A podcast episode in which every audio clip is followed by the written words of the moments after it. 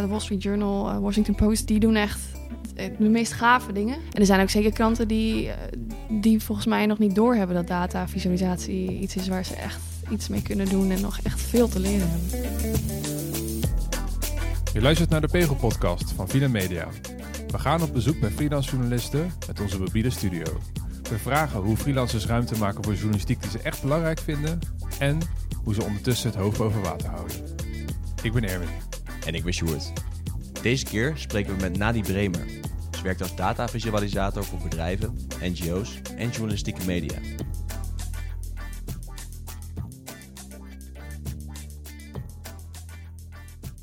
Kan je vertellen waar we nu zitten?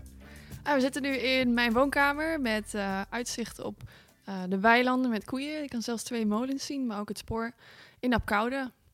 En we storen jou uh, tijdens een nieuwe opdracht, uh, zagen we net. Mm -hmm. Waar, ja. waar ben je mee bezig? Ik ben nu bezig voor UNESCO om verschillende visualisaties te maken over de verbanden die er bestaan tussen cultureel erfgoed.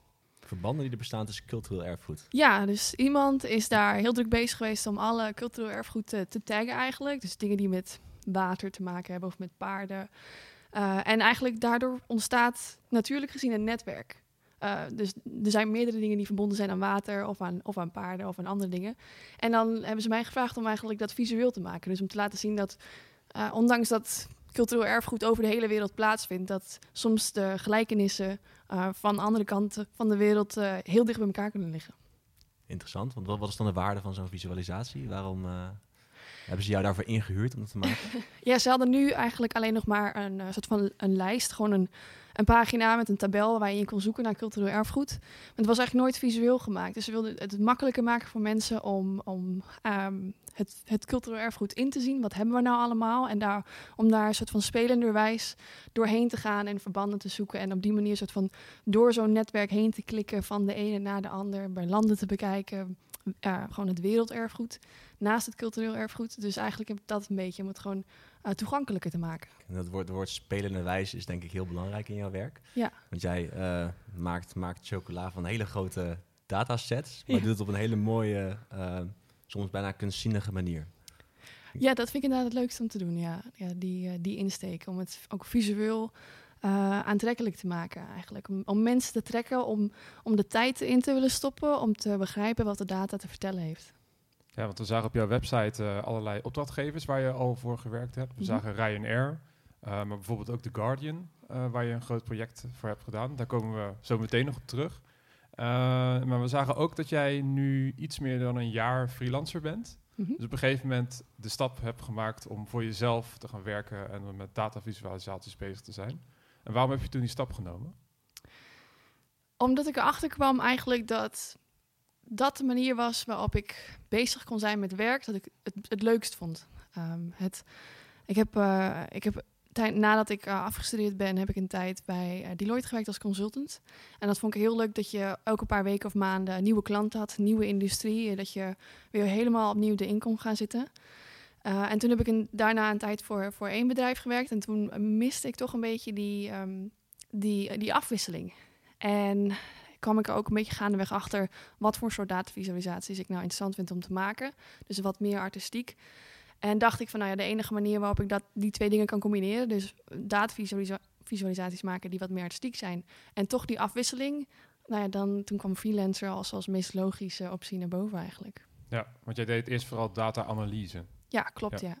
ja. ik was eerst meer data scientist en uh, dus toen ik bij Deloitte kwam werken, kwam ik daar ook werken echt als data scientist. En dat vond ik ook heel leuk om analyses te doen over uh, wat mensen kopen of uh, verzekeringen die mensen hebben. Het is fascinerende data op zich, als je er echt in gaat duiken.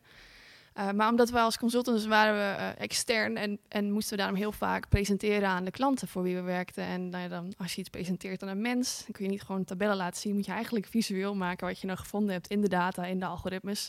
Mm -hmm. Uh, en kwam ik er dus achter dat ik op een gegeven moment eigenlijk meer tijd aan het besteden was aan het perfectioneren van die visualisaties. Om dat duidelijk over te kunnen brengen of op een interessante manier. Dan dat ik op zich bezig was om het model nog net iets beter te maken, het onderliggende model. En ja, op een gegeven moment kwam dat moment van wacht eens even, ik, ben, ik, moet gewoon, ik moet gewoon datavisualisatie gaan doen. Dat is waar ik mij op wil gaan specialiseren. Ik, ik vraag nu vaak aan mijn klanten om de data zo goed mogelijk aan te leveren. En dan heb ik nog wel nog wel een paar uur aan data, preparatie, dingen te doen. Maar dan de over, alle overige uren kan ik me dan richten op hoe ga ik het nu visueel maken en het daadwerkelijk dan creëren. Mhm. En dat is wel een verschil. Dat was vorige keer, de vorige keer, eh, vorige keer bij Deloitte was dat meer andersom. Ja. Je had het net over ehm, verzekeringsdata bij Deloitte en je liet het woord fascinerend vallen. ja. Leg eens uit. Nou ja, wat, Wat kan er fascinerend zijn aan, aan bergen informatie? Nou, het is, eh, ja, ik vind het vooral, vond ik zelf heel interessant om te werken met data die eigenlijk soort van door mensen is gegenereerd. Dus bijvoorbeeld aankoopsdata eh, of data, zelfs met verzekeringen. Hoe de, want dan heb je altijd interacties met, met de verzeker, verzekeraars en de, en de mensen die de verzekeringen hebben. Zoals klachten. Ehm, nee, dat is dan wat minder goed, maar ehm, hoe ze daarmee omgaan, welke combinaties van verzekeringen ze hebben. Eh, en daaruit kun je dan eh, patronen gaan zien van mensen die eh, een huisverzekering hebben en een autoverzekering, maar ook nog een, een WA-verzekering. Die, die zijn dus daar kun je vanuit gaan dat zijn hele loyale klanten. De kans dat die weggaan is heel klein. Maar bij andere mensen heb je bepaalde, als je bepaalde triggers ziet, dan is de kans dat ze nou ja, snel bij je weg zullen gaan is dan hoog. Dus misschien wil je wat meer mensen erop inzetten om die, om die te houden. Nou, dan moet je eigenlijk combineren met zijn dat nou echt goede klanten, ja of nee. En op die manier kun je dan hopelijk eigenlijk door die data heen te spitten strategische keuzes maken die, ja, die je als bedrijf beter gaan werken. En jouw focus ligt heel erg op het eh, esthetische nu. Ja. Ehm, en wat voor ontwikkeling was dat om van, van, ja, van de analyse eh, van data naar dat esthetische punt te gaan? Want we laatst ook dat je veel in je eigen tijd hebt geoefend. Ja, ja. ehm, eigenlijk kwam dat heel geleidelijk, denk ik. Het, ehm, de eerste visualisaties die ik maakte waren heel simpel en straightforward. Gewoon de, de, de normale grafieken, de lijngrafieken, de, de, de staafdiagrammen, de, de scatterplots. Eh, en eh, door het meer te doen kwam ik eigenlijk in contact met meer opties. Met andere grafieks, grafiekvormen die niet in Excel zitten bijvoorbeeld. Of, eh, of in andere, andere tools. En ehm, dus toen ik een nieuwe dataset kreeg, dan dacht ik van... hé, hey, misschien werkt die andere grafiekvorm er juist wel beter bij. Eentje met, waar het meer om stromen gaat, eh, ehm, van A naar B. Eh, en probeerde ik steeds meer nieuwe dingen uit. En eigenlijk gaandeweg over, over een jaar of drie, vier kwam, ging dat steeds verder. Steeds andere grafiekvormen, dingen misschien combineren van twee standaard grafieken. Nou, dat, ging, dat was dan interessant, daar leer je dan veel van. Tot ik op een gegeven moment een beetje gevoel kreeg om gewoon eigenlijk vanaf, vanaf scratch iets te kunnen gaan bedenken en dat dan te gaan maken. En, dan, en toen eigenlijk ook om een gaandeweg steeds meer dat esthetische bij. Dat, om het ook echt ehm, ja, mooi eruit te willen laten zien. En dat heb ik altijd wel, wel gehad. Dat, dat, dat, dat doel om iets er ook daadwerkelijk eh, mooi eruit te willen laten zien. Maar je kan ook maar zo ver gaan in een lijn, lijngrafiek om het mooi te Ja. maken. En toen mijn visualisaties complexer werden, had ik ook steeds meer mogelijkheden om het eigenlijk ook visueel interessant te laten zijn. Ja, zon- zonder de nuance soms te verliezen in de data. Ja, Ja. ja. ik vind dat.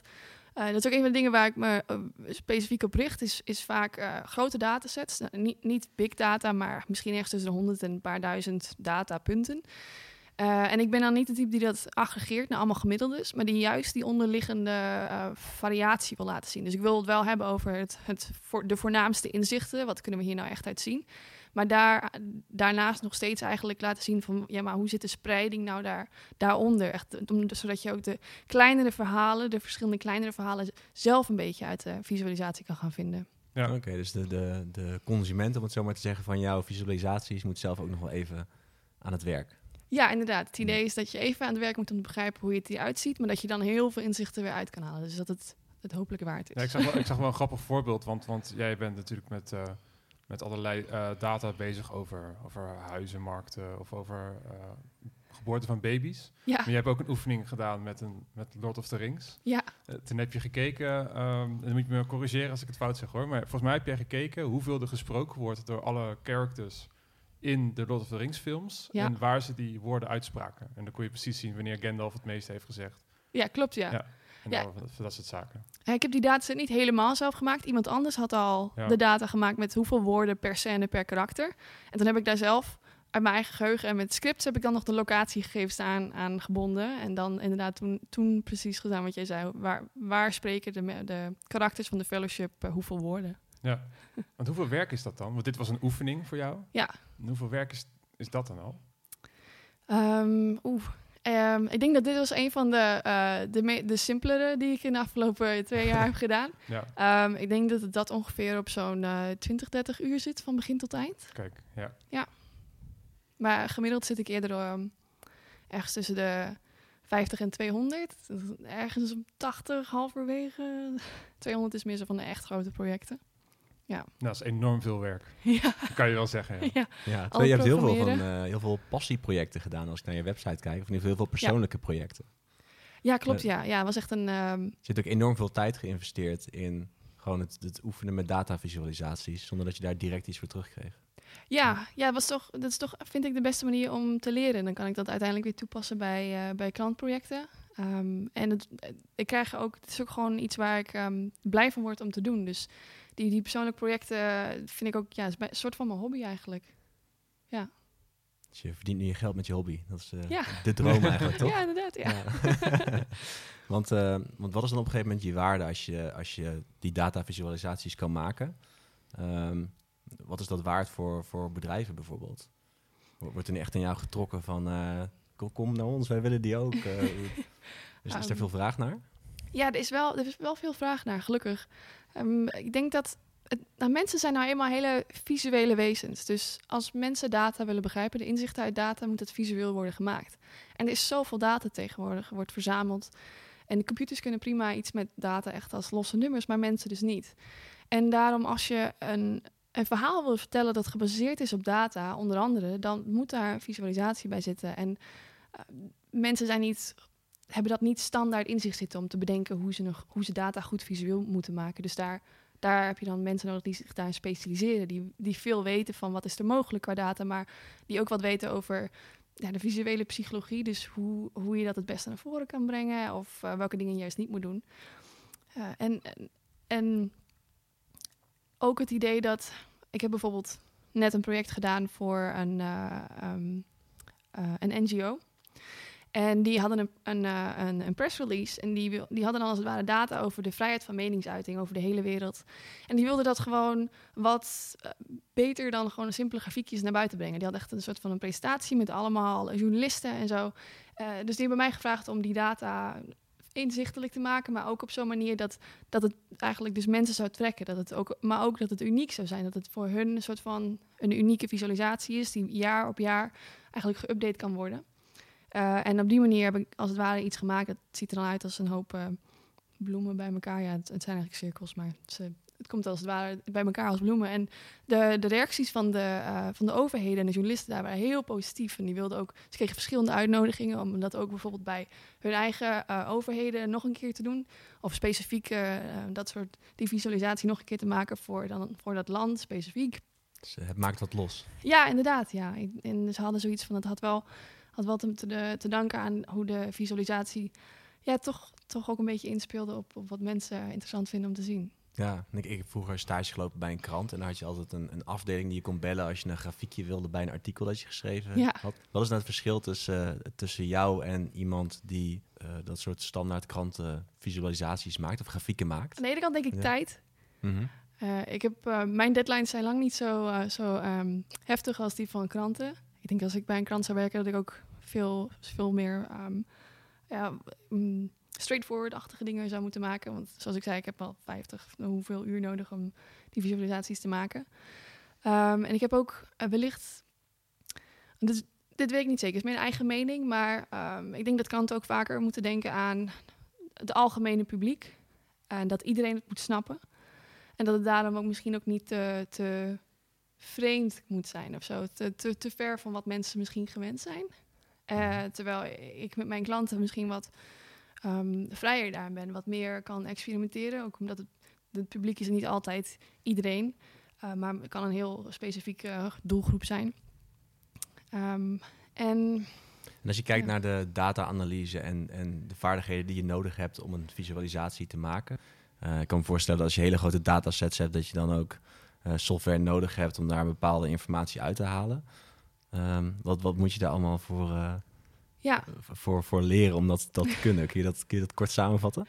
Uh, nou, er zijn in ieder geval als je denk ik het meest creatief bezig wil zijn met je data, dan kom je er bijna niet onderuit om ehm, te, kun- te kunnen programmeren. Je moet echt je data eh, je- je kunnen zeggen hoe je je data exact op het scherm wil hebben. En niet vast moeten zitten aan een programma waar je alleen maar bepaalde vakjes aan kan klikken of dingetjes naar ergens naartoe kan slepen.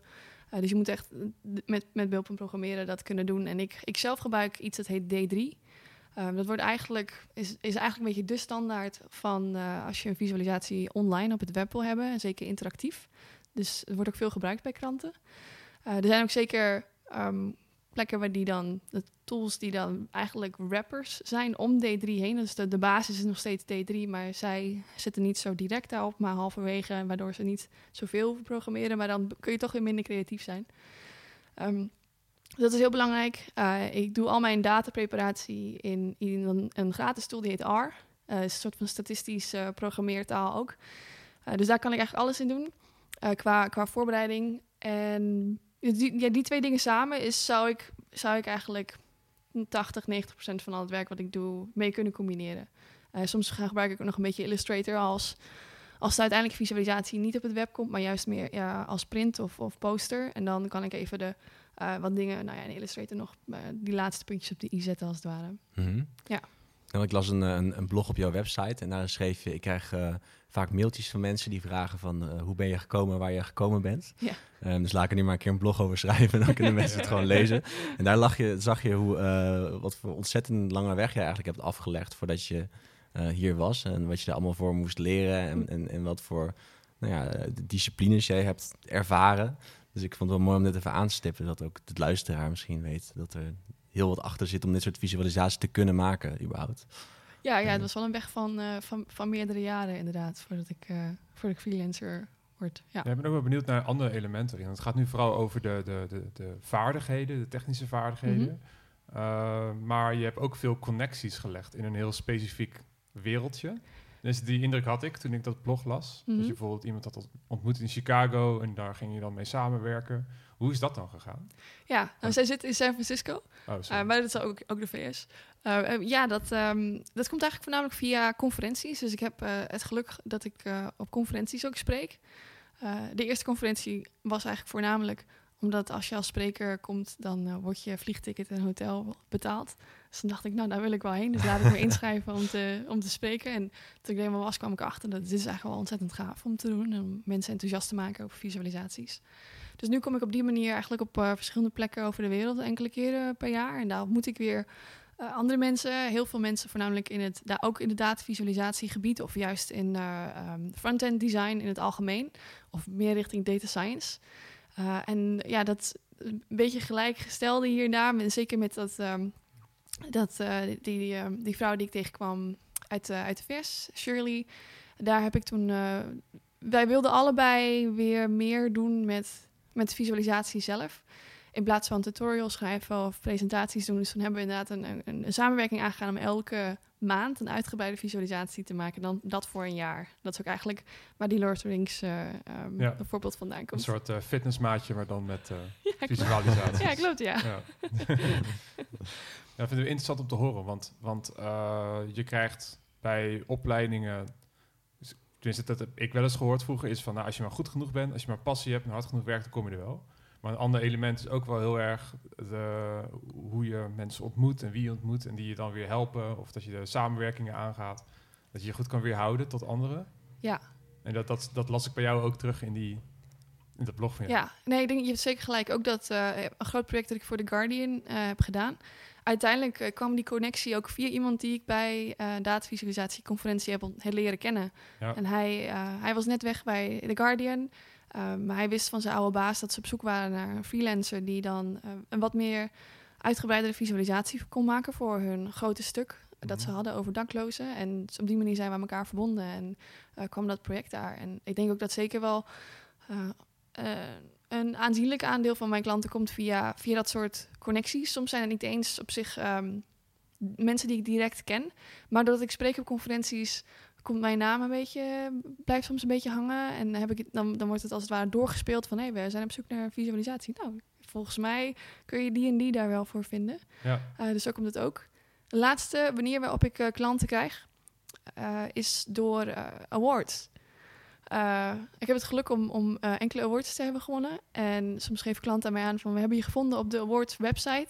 En eh, we vonden interessant wat je deed. Dus eh, ja, we zijn Zodat je wel benieuwd heel direct zien eh, wat je aan zijn award hebt. Ja, Ja. inderdaad. Ja, ja. dus eh, ja, Wat heb je gewonnen dan? Ehm, ik heb ehm, degene waar ik het meeste, het meeste klanten van heb gekregen is de Information is Beautiful Awards. Eigenlijk een beetje de Oscars van datavisualisatie. Kijk, kijk. eh, geen valse bescheidenheid hier. Eigenlijk, dus, eh, ja, ik, vind, ik vind het zelf een ontzettend leuke award. Het is eigenlijk, ik haal er heel veel inspiratie uit. Ik ga elk jaar door alle, alle inzendingen heen. En dan, dan zet ik op mijn Pinterest-bord alles wat ik zelf interessant vind en door geïnspireerd word. Eh, vorig jaar heb ik daar ehm, heb ik, heb ik, drie awards ge- gewonnen daar. En ehm, dus dat, ja, dat werkte heel erg. Drie awards. Wat, Ja. is dat dan verschillende subcategorieën Ja. of zo? Er zijn eh, dus, dus ook eh, onder, een soort van onderwerp heeft een categorie qua ehm, politiek of eh, visualisaties over, over ehm, technologie of over eh, mensen. Dan heb je ook nog eh, wat ook bovenliggende eh, categorieën zoals ehm best individual of beste studio of eh, ja, dan nog meer van die. En, en in die combinatie van dingen had ik er, had ik er dan drie. Dus daar was ik heel blij mee. Mooi, ja. We, hadden net al even over jouw, eh, jouw klus voor, eh, voor The Guardian. Dat is eh, volgens mij de enige klus die je voor een krant gedaan hebt, geloof ik, hè? Ja, Eh, ik heb ook nog wel dingen voor Scientific American gedaan, maar dat, eh, Mhm. ja, dat is een magazine, ja. Ja, het is een wet- wetenschapsmagazine. Ja. Zie, zie je veel mogelijkheden eh, in de journalistiek? Ja, zeker. Ja, heel veel verhalen, denk ik, draaien nu ook om, om dingen waarbij data verzameld kan worden om extra inzichten te geven. Eh, en ja, dat moet dan weer visueel worden gemaakt. Ja, En daar valt nog wel wat, eh, wat te behalen. Als je naar de, de huidige journalistiek kijkt. eh, er zijn. Ja nee. Er zijn kranten die juist op het, eh, echt het, eh, het nieuwste van het nieuwste bedenken. Zoals de New York Times, eh, de Wall Street Journal, Washington Post. Die, die, die, die doen echt de meest gave dingen. Met, ook met data en, en, en verhalen vertellen met data. Daar waar ongeveer de he- hele community een soort van inspiratie uit haalt. En daar weer mee een soort van verder experimenteert. En er zijn ook zeker kranten die, eh, die volgens mij nog niet doorhebben dat data-visualisatie iets is waar ze echt iets mee kunnen doen en nog echt veel te leren hebben. Mhm. Het is Ja. ook kostbaar natuurlijk om dat te doen. Ja. Want, want jij bent zo 50, 60 uur ermee bezig. Ja. Merk jij, merk jij dat, dat... Is het anders om te werken voor The Guardian dan voor Ryanair bijvoorbeeld? Ehm, dat was trouwens Transavia, maar ehm, Oh, Transavia. Ik ben lekker bezig. eh. ik knip het ook niet uit. Eh, ja, het is anders. Ja, het is, ehm, eh, qua samenwerking is het denk ik met de, ehm, met de magazines en de kranten veel meer een, een, een, een 1 tweetje waarbij het gaat om de, de tekst en de visualisatie echt op elkaar aansluiten. Dus dat, je, dat we allebei weten van waar gaat het over. En zeker met ehm, visualisaties die eh, geanimeerd zijn. Dus als je bijvoorbeeld naar beneden scrolt, dat er een animatie inkomt en dat er een nieuw stukje tekst komt, waarbij de tekst dan weer bij de animatie passen. Dan moet dat ook wel echt goed in elkaar aansluiten en moet je weten wanneer wat gaat gebeuren. Terwijl met eh, klanten zoals, zoals bijvoorbeeld een Transavia, nou, dan, dan, eh, dat is veel meer, ehm, ja, meer eh, lichte feedback. Dus ik, ik, ik stuur wel heel vaak dan updates. Meestal heb ik ook een, een pagina waar ze dan soort van kunnen kijken hoe het ervoor staat. En dan kunnen ze zeggen van nou, hoe, ze- ja, kunnen ze wat gedachten geven. Maar het is toch veel minder ehm, heen en weer. Het is meer dat ik soms wat een klein beetje input krijg, maar heel erg gewoon door kan gaan en bezig kan gaan op het design wat we ooit bedacht hebben. Eh, qua qua eh, hoe, hoeveel het opbrengt, ja, dan, dan kun je bij de bedrijven wel veel meer verdienen dan bij de, eh, bij de kranten en de, en de magazines. Maar de uitdagingen om verhalen te vertellen voor een krant zijn soms wat, eh, nou ja, vaak wat leuker eigenlijk. Het zijn toch wat diepgaandere verhalen ook. Het is niet alleen maar de visualisatie, maar het is ook het, het hele verhaal, het is het hele ding. Ja. En het klinkt alsof je toch wel wat meer vrijheid hebt in het, in het journalistieke. Ja en nee weer. Ja, dat is ook weer zo van... eh, wat ik net ook zei, dat kranten soms moeten... eh, als ze wat ze eh, weergeven, moet, moet veel... Eigenlijk iedereen moet het kunnen snappen. Of zo goed als iedereen. Terwijl met, Mhm. met, de, met de bedrijven dat niet per se zo is. Dus soms kun je dan weer wat ehm, meer vrijheid hebben... door een visualisatie voor een bedrijf te maken. Maar aan de andere kant... het meer het idee dat je meer mensen kan, kan bereiken met je verhaal in een magazine is iets wat, ik ook, wat mij ook wel heel erg aanspreekt. Uh, een van de redenen ook waarom ik nooit door ben gegaan bij, uh, met mijn studie sterrenkunde is omdat het voelde alsof ik iets zou gaan doen wat drie mensen op de wereld misschien zouden snappen. Ik wilde iets, ik wilde iets nuttigers doen of zo. Iets waarbij meer mensen er zou, iets aan zouden hebben aan hetgeen wat ik zou creëren. En dat vind ik dan zo gaaf bij kranten. Als je zo'n verhaal kan vertellen over die daklozen, dat, dat, dat een hele grote groep mensen uh, ja, daar een soort van bewust van maakt. Dat, dat kan mij ook heel erg drijven. In plaats van als je iets voor een bedrijf maakt, dat vaak een veel kleinere doelgroep heeft. Mm -hmm. kan, je, kan je iets specifieker vertellen waar dat verhaal van The Guardian over ging? Ja, ja tuurlijk. In, um, ik weet niet of het ergens anders ook gebeurt, vast wel. Maar in Amerika had The Guardian, was er um, bewust van geworden dat er eigenlijk verschillende plekken zijn, verschillende steden en uh, opvanghuizen die gratis uh, bustickets geven aan daklozen. Maar het zijn enkeltjes. Dus ze moeten eigenlijk weg van waar ze dan op dat moment zijn. En ze zijn dan wel verplicht om daar uh, data over op te slaan. Dus ze moeten dat wel bijhouden eigenlijk. En daarom had The Guardian met de Freedom of Information uh, Act... hadden ze eigenlijk zoveel mogelijk van dat soort steden en shelters... om informatie gevraagd van ja, hoeveel bustickets hebben jullie nou eigenlijk uitgedeeld... En, en wat is allemaal met die... Weet waar zijn ze allemaal heen gegaan en zo. En nou ja, toen kregen, we, kregen ze al die data binnen en die hebben we uh, dan soort van de inzichten die daar allemaal uitkwamen, hebben we uh, laten zien van waar gaan mensen nou heen? Hoe, ja, hoe, hoe gaat het met die mensen aan de andere kant van waar ze uiteindelijk aankomen? En um, gefocust op San Francisco specifiek, maar ook over sommige mensen gaan, gingen helemaal naar Nieuw-Zeeland bijvoorbeeld. Dat, uh, die kregen dan een vliegticket. Um, en ja, dan, dat, dat, was een verhaal dat gebaseerd was op 35.000 ja, bustrips. Ja, is heel interessant hoe je, hoe je, dat, hoe je dat dan, dan, dan krijg je dat. Dat wordt over de heg gegooid naar ja. jou. Nou, niet helemaal. Je gaat natuurlijk in gesprek. Maar. En dan, dan moet je er iets van maken. Dan moet je altijd die nuance uh, opzoeken.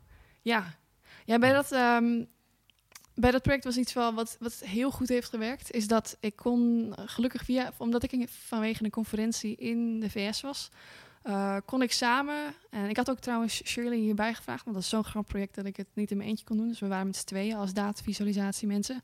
Um, konden we twee dagen met de, met The Guardian, het team van The Guardian en wij konden bij elkaar zitten. Dus we hebben gewoon afgesloten in een, uh, in een ruimte. En had ik van tevoren alle data geprepareerd en analyses gedaan, zodat we wisten wat erin zou zitten. En toen tijdens die twee dagen gewoon helemaal bedacht, wat, is de, wat zijn nou de ruwe conclusies van het verhaal? Wat gaan we nou vertellen? En wat zijn de ruwe visualisaties die we daar soort van bij gaan doen? En welke interviews gaan daarbij? Want er waren ook veel video's qua interviews met mensen. Hmm. En die twee dagen hebben echt de, de basis gelegd, waardoor we daarna gewoon weer uh, vier maanden lang los van elkaar prima konden werken om dan het, een totale stuk bij elkaar te brengen. Maar ik denk zonder die twee dagen dat we echt face-to-face -face konden zitten en brainstormen en echt gewoon, ja, uh, iemand bedenkt een hypothese, ik check het op de data, klopt niet, dus we moeten verder. Dan zit je dan met de redacteuren van The Guardian ja. die, uh, die, die meedachten als het ware. Ja, klopt, ja.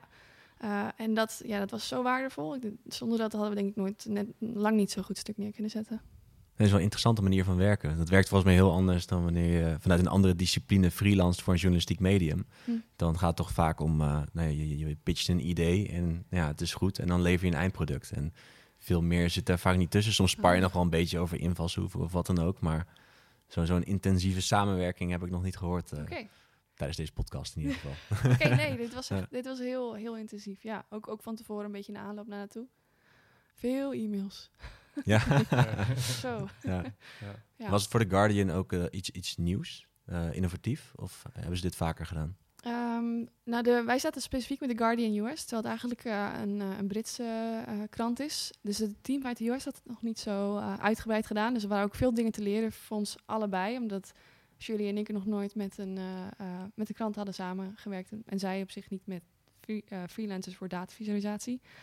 Um, maar um, ik weet dat in ieder geval de, um, in, de, in, in, de, in Engeland dat ze daar wel een uitgebreidere uh, visualisatiedesk zelf hebben. Dus zouden dus ook, denk ik, wel zoiets hebben kunnen neerzetten als ze daar ook de, de tijd en, en geld voor hadden gehad. Want ze hadden hier, uh, de Guardian US had het geluk dat ze een, uh, een subsidie hadden gekregen van de Gates Foundation om dit stuk neer te zetten, uitgebreid. En daardoor konden wij daar als het ware ook bij. Ja, daardoor konden, konden ze uitpakken. Ja. Ja. ja. ja. Zou, zou je meer van dit soort verhalen willen maken voor journalistieke media? Ja, zeker. Ja, ik vind het wel heel leuk. Ook, ook echt wel die, die eh, combinatie tussen de tekst en de visualisatie. Eh, ik ben zelf niet goed met tekst. Ik kan een stukje schrijven, maar het is niet boeiend. En dan om samen te werken met mensen die dat wel echt kunnen, die daar echt iets ja, fantastisch van kunnen maken. En dat dan de visualisaties daar doorheen gewoven worden op de juiste manieren. Ja, dat vind ik wel Mhm. ontzettend leuk. Nee, heb je ook contact met, met journalistieke media op het moment om, om bijvoorbeeld een samenwerking aan te gaan voor een nieuw project? Ehm, nee, ja, het was wel weer iets met The Guardian, maar dat kon ik uiteindelijk niet aannemen omdat ik al vol zat. En eh, verder eigenlijk Scientific American en National Geographic op dit moment, maar verder, verder niet. En in Nederland, Nederland helemaal niet. Heb ik, eh, ik weet niet of ik denk dat misschien in Nederland nog niet klaar zijn voor het, het artistieke wat ik, wat ik bied. Nederland loopt achter. Ja, la- later wordt het Mm. van, eh, ja, je liep ver op je tijd vooruit. ja, ja, ja, precies. Ja. Maar het- ik wil wel ehm, eh, ook afsluiten, omdat het ook een podcast is voor freelancers. En Ja. als iemand nou luistert en helemaal met zijn oren aan het wapperen is en denkt van, ik wil dit ook. Ja.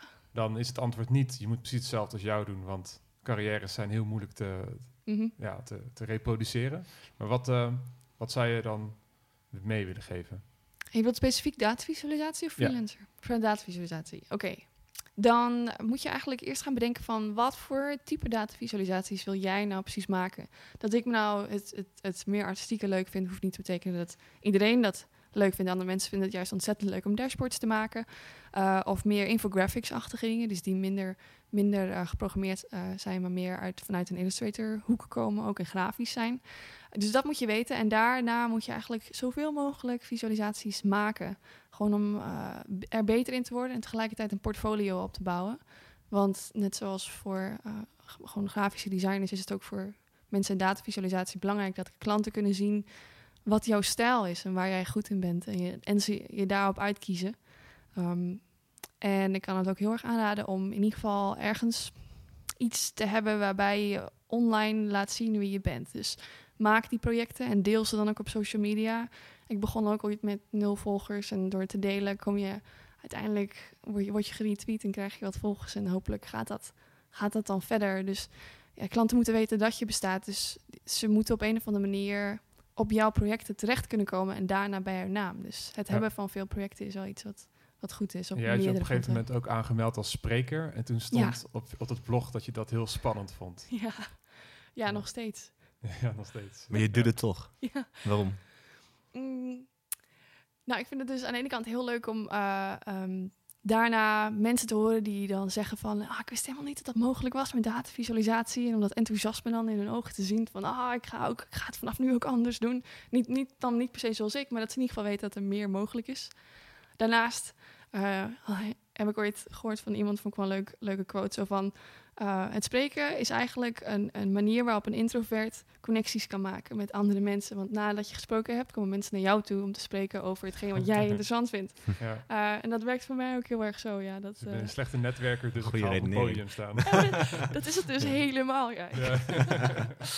Ja. Ja. Ik wil nog heel even terug naar wat je net vertelde over ehm, zorgen dat je veel projecten hebt en dat je zichtbaar bent online. Ja. Want eh, we zien een, een valkuil eh, vaak bij freelance journalisten, is dat ze heel veel werk doen eh, voor heel weinig geld vaak, Hmm. in de hoop dat het een soort springplank is naar iets groters. Ja, maar het gevaar daarbij is, is dat ze gemakkelijk kunnen worden uitgebuit. Dus dat media zeggen van, van nou ja, als je, als je dit voor ons doet, dan kun je zeggen dat je voor ons gewerkt hebt en dan, dan kan dat leiden tot iets groters of zo. Ja. En dat eh, zorgt ervoor dat heel veel mensen voor, voor heel weinig geld aan het werk zijn en op een gegeven moment ook niet verder komen. Hoe voorkom je dat? ja, voor mij is dat... En misschien heb ik dan geluk, maar voor mij is het echt een split. Ik doe het eh, of voor mezelf en dus gratis, persoonlijke projecten. Of ik vraag als het ware bedrag voor dat het moet hebben. Ik zag aan niet als het ware korting geven omdat het een prestigieuze klant is. Zeker op die punten zou ik denken van die moeten juist het geld hebben. Juist. Ehm, en ja, ik- volgens mij is het ook weer zo heel menselijk dat eh, als je het dan weer te goedkoop maakt, dat mensen er min, denken dat het minder waard is. Want het dan, dat vind ik ook weer zo zonde. Dus ja, het zegt voor mij zo van of, of het gaat helemaal in mezelf en juist die dingen, ja, dan moet je tijd in investeren. Je krijgt er helemaal niks voor terug, maar aan de andere kant ben je helemaal vrij om te experimenteren en gek te doen wat je wil. Eh, en, dan, en aan de andere kant gewoon normaal klantwerk. Voor het normaal tarief Normaal tarief, ja. en anders niet. Anders niet. Kijk, het lijkt me een hele mooie, hele mooie uitspraak om mee af te sluiten. Heel erg bedankt dat we langs mochten komen. Ja, dankjewel. Tuurlijk, leuk.